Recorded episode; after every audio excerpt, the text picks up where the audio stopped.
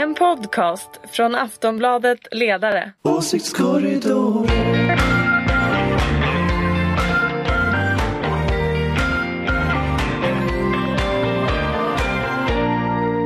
Hej och välkomna till Åsiktskorridoren. Det är tisdagen den 24 mars när vi spelar in det här. Vi har passerat vårdagjämningen, solen har börjat värma där ute men ingenting är sig likt i Sverige eller i världen.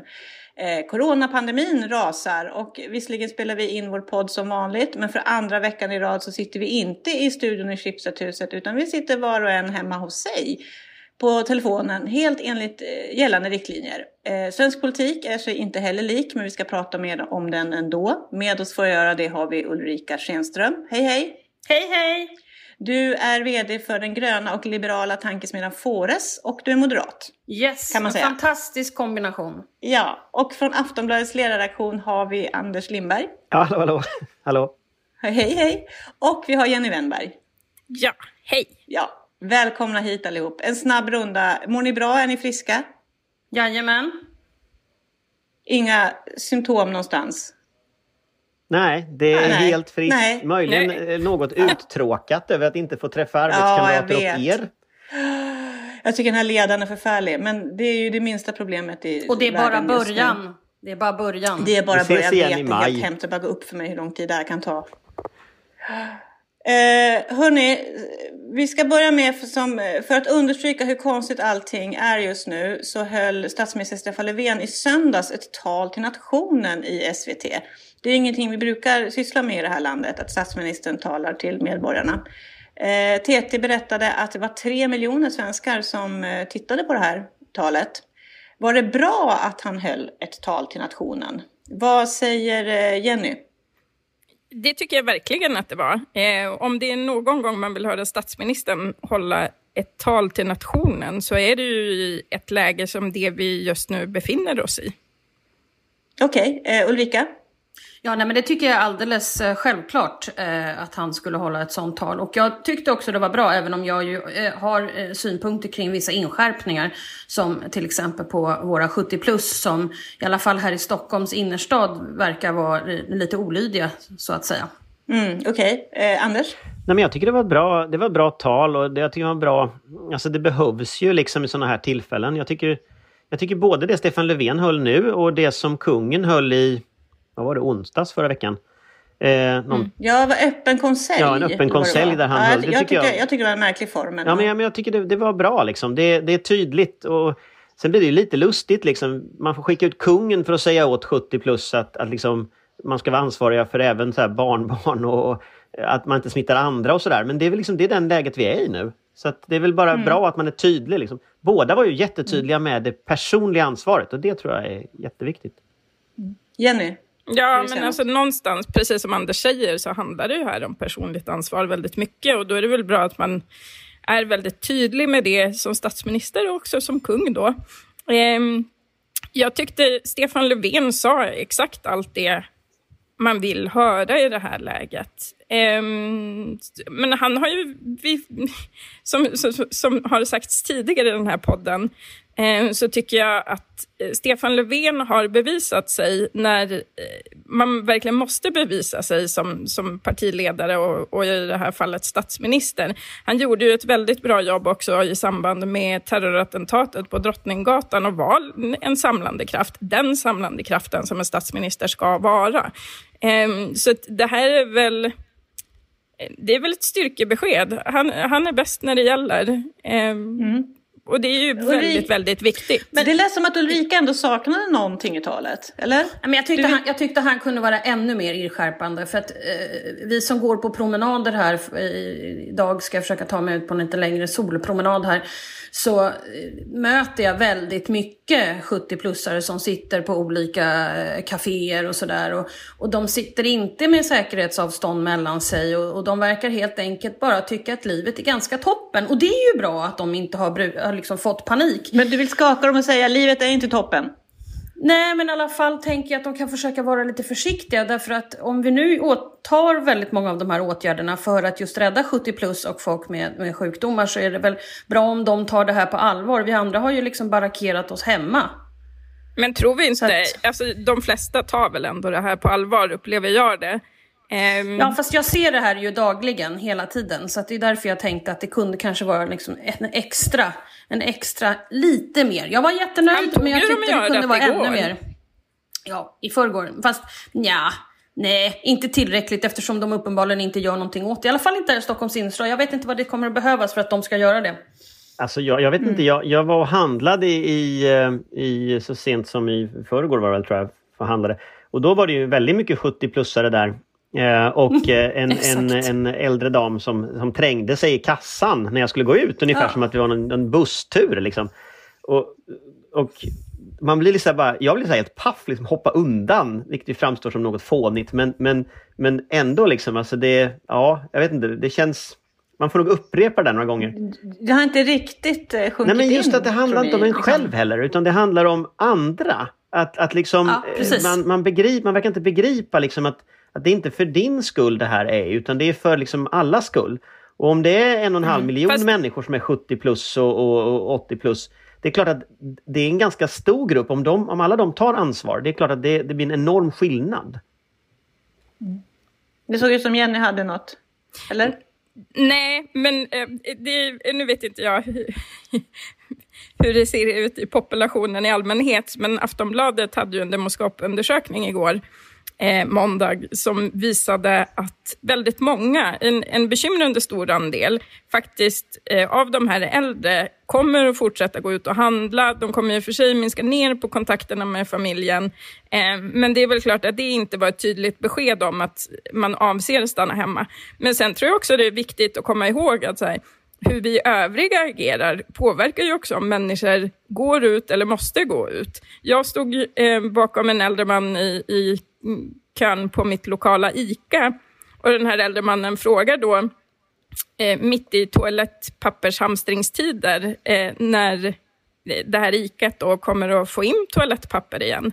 Ehm, och då vet man att det är slut på toalettpapper. Eh, kassörskan vet inte när det kommer att komma in nytt toalettpapper. Och då vet man att den här stackars mannen kommer ju att tvingas ut igen i samhället. Han kommer Och gå ut tills sig han hittar sitt toapapper. Det Ja, men Och det är därför det. jag tror... Och det, och Och, det är därför även om vi har de här sociala initiativen, Ja.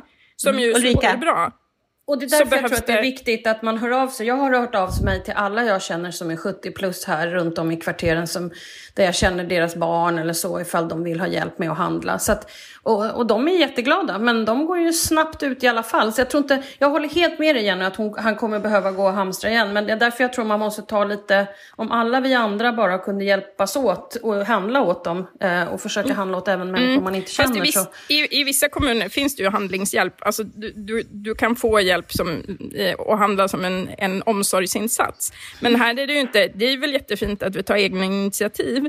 Men här tycker jag också att samhället har ett ansvar att här, faktiskt ha en uppsökande verksamhet gentemot, eh, gentemot eh, människor som är i riskgrupp.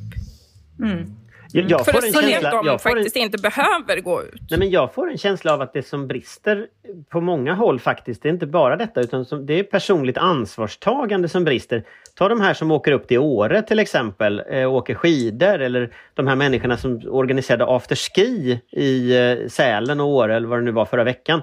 Det är ju helt sinnesrubbat givet de, de rekommendationer som har givits. Rekommendationen är glasklara, res inte inom Sverige.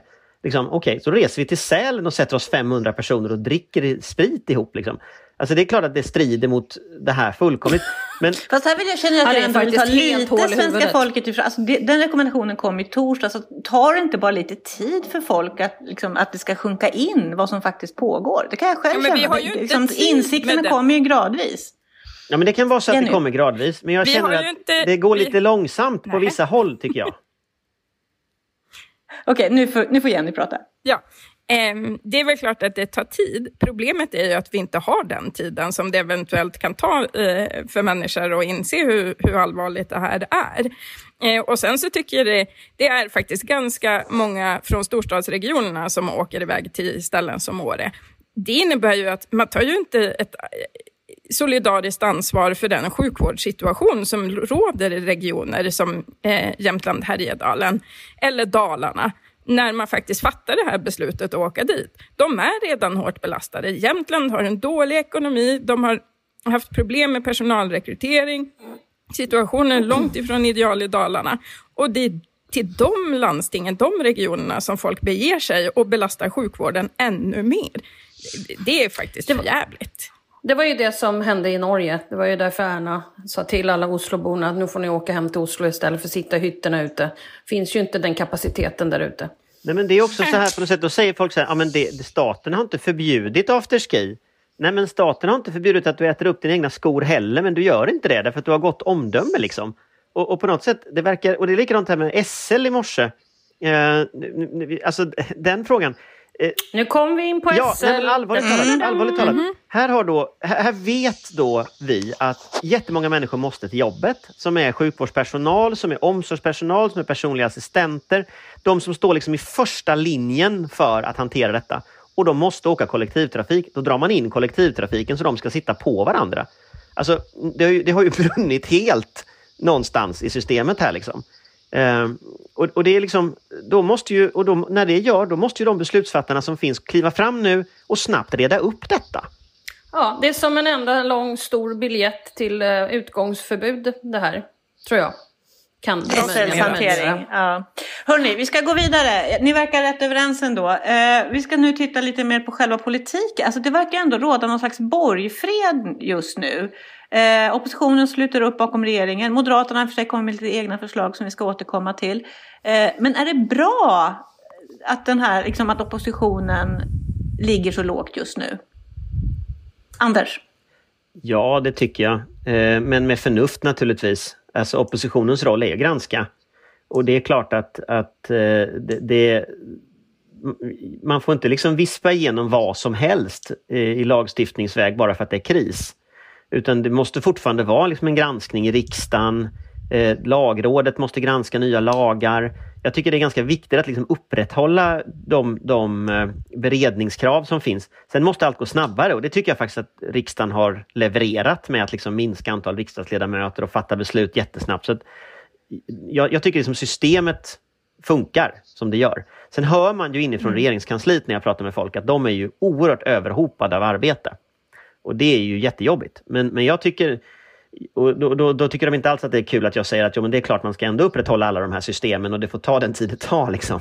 Men, men det måste, demokratin måste ändå funka. Eh, och än så länge har den funkat mm. väldigt effektivt tycker jag. Så det, jag tycker ändå att det, både borgfreden och ändå att oppositionen har fått ett inflytande.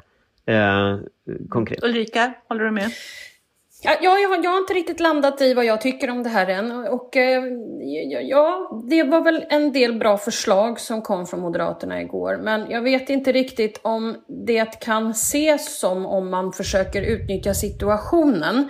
Det kanske är så att det var superbra, men det kan också vara... Alltså jag är jätteambivalent här ifall man... Eh, varför ska man ha en presskonferens istället för att... Eh, om man verkligen vill det här, försöka kontakta de andra partierna och, och sen försöka göra någonting gemensamt istället för att hålla presskonferens. Jag, jag är inte säker på att jag, alltså, mm, man kanske mm. skulle bara ha ringt eh, de andra och sen eh, gjort en liten förhandling och sen så kommit fram till någonting extra istället för att försöka. Men, men det kanske är, ja, jag är lite osäker på formen här.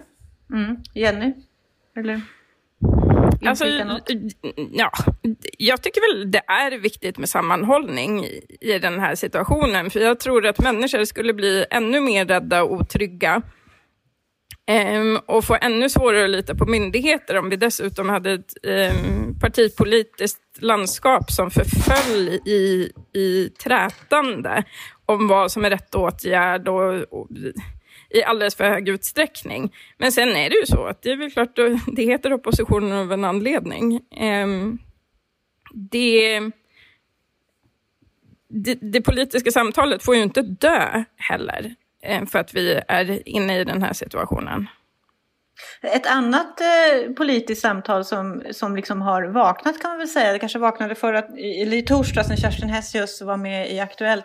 Det är ju det här man börjar prata nu om liksom en, en balans mellan eh, att rädda ekonomin och att hejda smittspridningen. En del menar att en del åtgärder för att begränsa smittan kan bli så kostsamma så att människors liv ändå slås sönder fast på lite längre sikt. Eh, Tycker ni att det här är en bra diskussion eller förs den på ett bra sätt? Kanske är bättre att fråga. Alltså, jag, jag, tyckte att, jag tyckte att det blev lite konstigt med Kerstin Hessius i Agenda mot Johan Giesecke. Det, det blev en väldigt, väldigt konstig diskussion. Var väl Eh, lite sökt motsättning dem emellan kanske? Eller?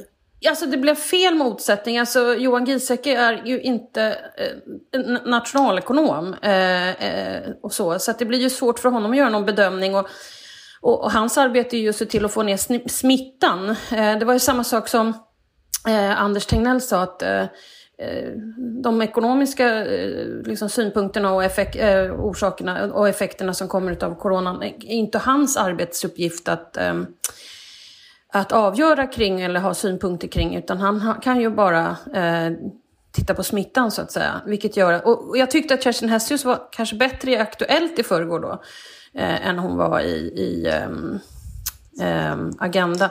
Sen förstår jag att man, många eh, som jag känner är jätteoroliga för ekonomin, alltså verkligen helt vansinnigt oroliga för ekonomin. Eh, Och det är ju en bedömning som man måste göra och det är ju det, här som är just krisens eh, dilemma, att det är så många saker samtidigt. Vad, vad är kostnaden för ett liv så att säga? Det är det det här kommer ner till till slut. Nej, men jag, jag, tycker, jag tycker att Kerstin Hessius första insats var väldigt bra. Därför att hon, Ja men det var den i Ja, Aktuellt. det var den i Aktuellt och hon skrev också en artikel då om det. Eh, och jag, jag tycker att den insatsen var väldigt viktig därför att det var någonting som inte någon annan hade sagt vid den tidpunkten. Sen om man skärskådar hennes konkreta förslag då, då, då tror jag de är nog svåra att liksom ta till sig. Hon vill ha ett slutdatum, det går inte att sätta ett slutdatum. Donald Trump sätter nu ett slutdatum.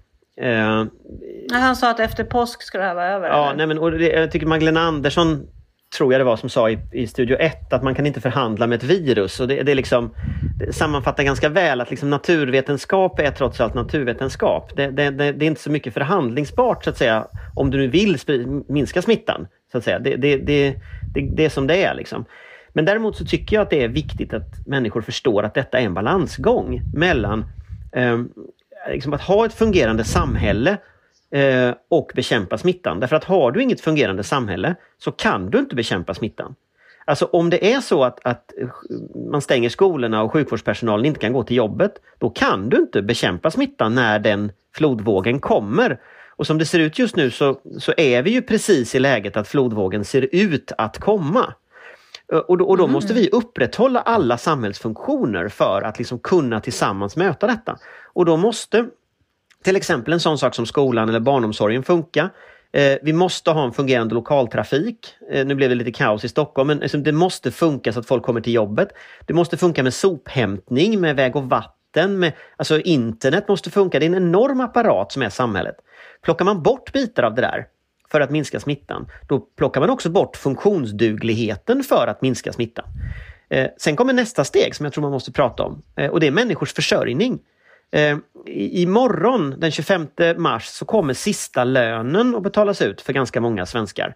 Eh, därför att sen har företagen inga pengar i, i många branscher som har små marginaler. Och då måste staten kliva in, tror jag, mer aktivt än vad man har gjort hittills faktiskt.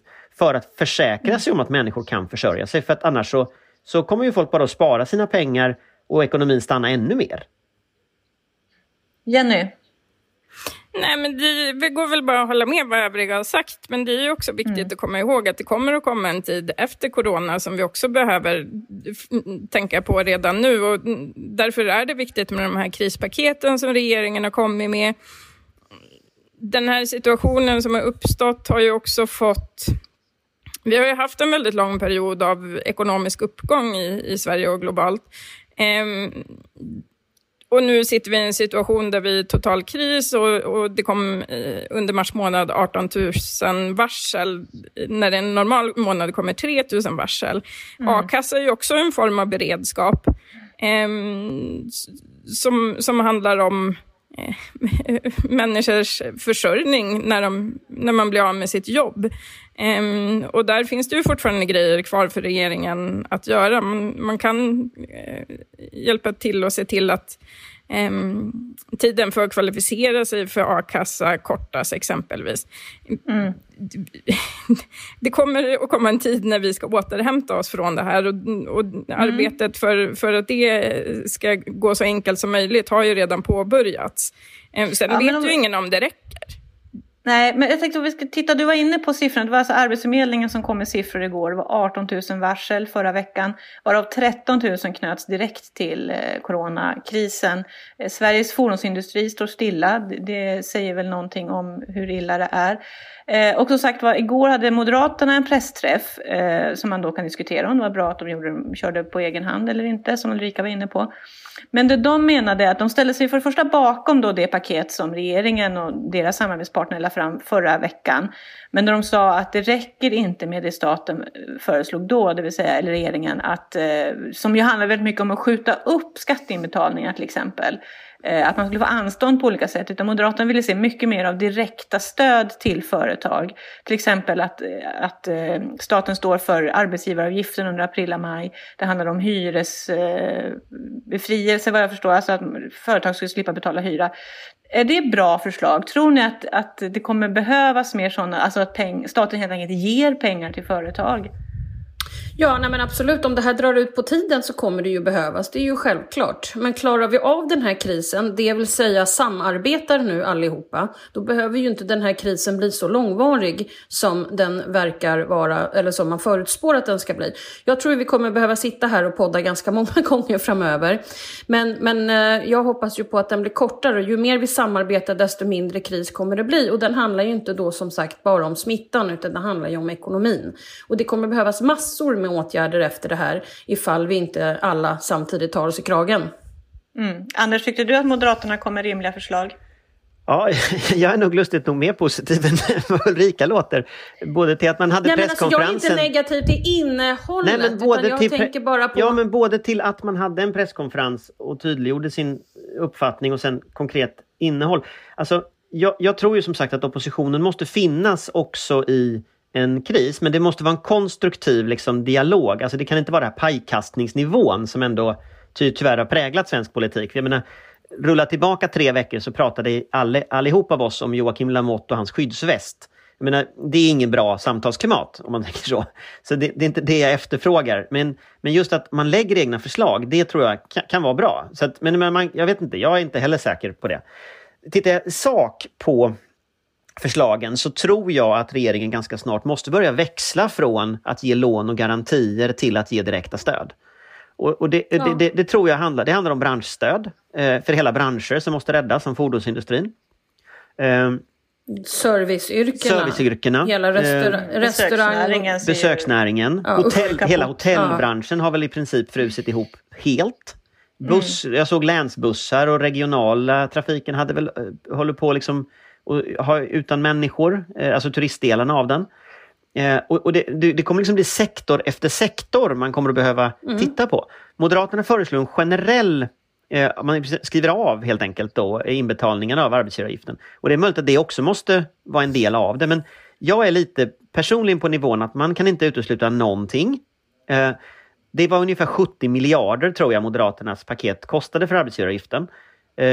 Eh, man, mm, 72 har jag här. Men, ja, men man måste fundera ja. på, liksom, är det de bäst använda sättet att använda 70 miljarder? Ja, då tycker jag då, då får det kosta det.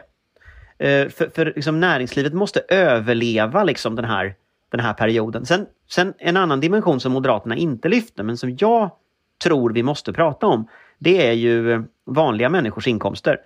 Därför att nu hamnar vi i läget att folk eh, blir varslade, folk kommer att bli rädda, folk kommer att börja spara, Pengarna kommer att ta slut. Det kommer inte att finnas några pengar i människors Folk plånbok. är inte med i a-kassan. Folk är inte med i a-kassan. Vi kommer att behöva ha liksom direkt stöd för människor. Eh, jag är själv lurad lite på om man skulle behöva ta upp det här med diskussioner om så här medborgarlön och liksom alltså garantera inkomster för, för människor på något sätt. Eh, och liksom helt enkelt se till att hela svenska folket tar sig igenom detta. Eh, och, så jag tror det är liksom också en, en sak som måste kastas i. Det är ännu dyrare. Men men det är också något som kastar in det. Liksom. Mm. Jenny, vill du fylla i någonting? Nej, de övriga två har sagt väldigt kloka saker. Jag tror också på att lyssna på alla förslag, utvärdera dem och är de bra så spelar det ju ingen roll vem som är avsändaren på dem. Mm. Eh, sen är, är nog inte... Eh, det, det, är väl klart så här, när, när det var, 75 eh, procent av varslen är i hotell och restaurang och resebranschen så är det väl uppenbart att det man bör överväga riktade stöd. Eh, så. Men sen handlar det ju, precis som Anders sa också, om, om människors inkomster och försörjning, hur den ska kunna garanteras. För vi är ändå i ett läge där vi väldigt snart kommer att se människor gå till tvingas gå till socialtjänsten i kommuner som redan utan eh, coronapandemin flaggade för att de hade stora ekonomiska problem och stod inför nedskärningar. Um, så att, men det här är väl vår livstids stora samhällsprojekt som vi just nu står mitt uppe i. Um, och då kan man inte vara...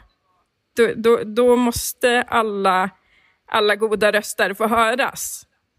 Ja, för mitt intryck tycker jag när man lyssnar på politikerna så är det just att vad som helst är möjligt just nu. Eller alltså inte på, in positiv utan, utan de är verkligen öppna för alla förslag. Är det ert intryck mm. också?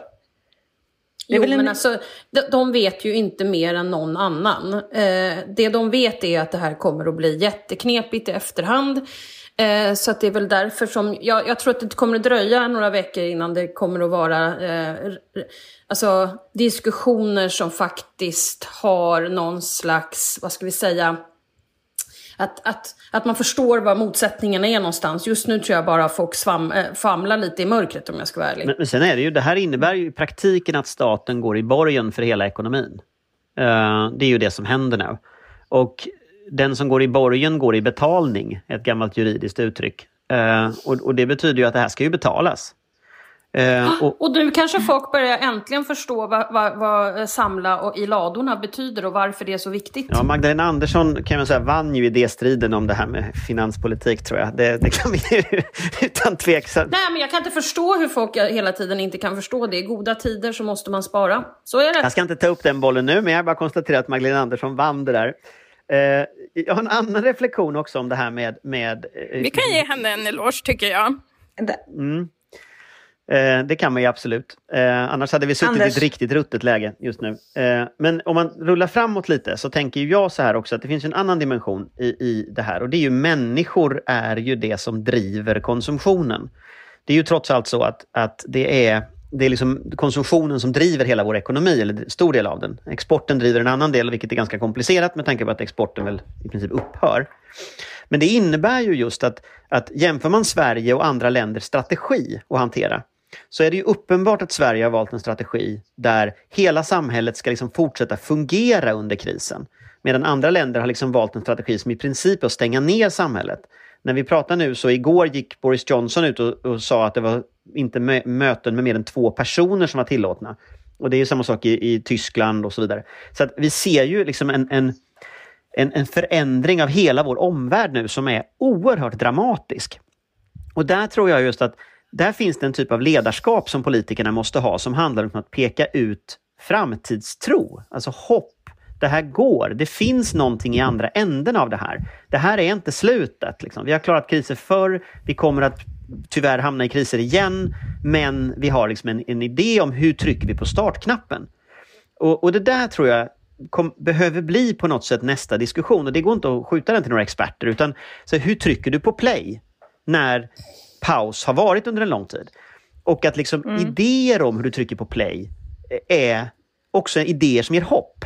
Och där tänker jag att där har mm. liksom politiken en uppgift nu att liksom kliva fram och komma med förslag. Så här, så här gör vi för att få igång de här olika, alltså få igång ekonomin igen. Inte bara så här, hur håller vi under armarna? Liksom. Mm. Eh, apropå det du var inne på så tänkte jag avsluta med att backa tillbaka lite grann till Löfvens tal. För han sagt att han kom ju inte med några nya, nya påbud egentligen utan betonade att vi skulle göra som myndigheterna hittills har sagt. Men han, han sa också att det kunde ju komma ytterligare restriktioner och de kunde komma ganska snabbt. Och som du sa Anders, så är liksom, i andra delar av världen så, så är det ju mycket hårdare bandage än, eh, än vad vi har i Sverige än så länge.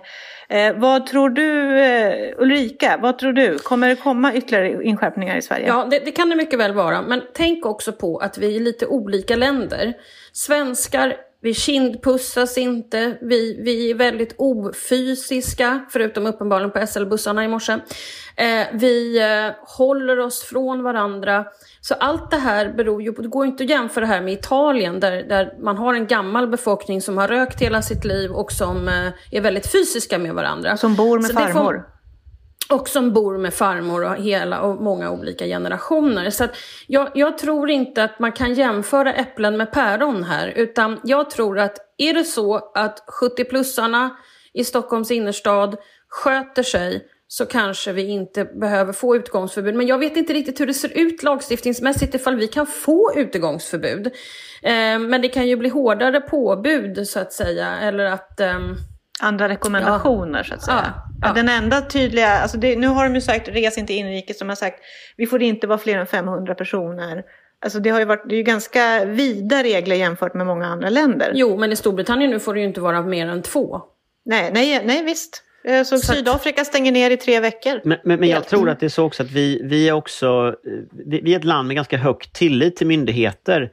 Och på det, även om jag gnäller på SL och på afterski och sånt där, så det, det är ju trots allt så att i allt väsentligt så har vi högt förtroende för myndigheter.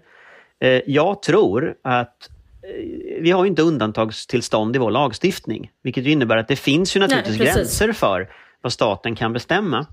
Men, jag, men smittskyddsläkare har väldigt omfattande befogenheter. Både, de kan sätta städer i karantän om det är så. De kan sätta Stockholm i karantän om det är så. Eh, ja, precis. Men sen tror jag det är inte det verkningsfulla. Det verkningsfulla det är att så att säga, statsministern och, och ja, kungen då förut. Så, att man tydligt går ut och säger det här är vad som förväntas av er. Det här är så vi gör. Fast det har de ju gjort och så, Ulrika menar att det inte funkar. Fast jag tror faktiskt att det funkar. Alltså jämför med de länder som, som tar till och skickar ut polis. Det, det är inte så att folk inte går ut i Italien. Det cirkulerar en rolig film just nu på aftonbladet.se man kan titta på när borgmästare då försöker tillämpa liksom den yttersta kommunikationen och hotar folk med, med vad var det? Brandkastare? Eldkastare. Eller eldkastare. För att inte gå ut. Och sånt där. Alltså det, det, det är klart, jag är inte ja. helt hundra på att det där med att skicka ut polis Alltså vi tror ju att människor är förnuftiga och så försöker vi övertyga människor. Det Nej, är liksom en, men, en men, metod. Men någonstans... Nu, ja, vänta, Jenny, Jenny har viftat här. Någonstans handlar det här om individens ansvar. Det är väldigt uppenbart att Folkhälsomyndigheten tycker att det gör det också. Och det är ju också så här, men, det är människor som ska efterleva både rekommendationer och förbud. Um, och sen så tror jag ändå, här, om vi tittar på varselsiffrorna eh, från hotell och restaurang så ser man ju tydligt att ja, det finns ju ett skäl till att så många har varslats. Och det är ju för att väldigt många svenskar eh, hörsammar myndigheternas råd om att inte samlas i stora grupper, eh, om att inte ja, men, utsatt, exponera sig själv för risken att bli smittad och att man faktiskt har an, inrättat sitt liv efter det myndigheterna säger. Det är ju det är ju de här varslen vi ser ett direkt resultat av, i alla fall i hotell och restaurang och resebranschen och naturligtvis restriktioner som stängda gränser. Hörni, det där får nog bli sista ordet för den här veckan. Eh, vi säger väl att hjälp varandra men på avstånd, tvätta era händer, ta hand om er så hörs vi nästa vecka. Tack Ulrika Schenström, Anders Lindberg och Jenny Wennberg. Hej då! Hej hej! hej, hej.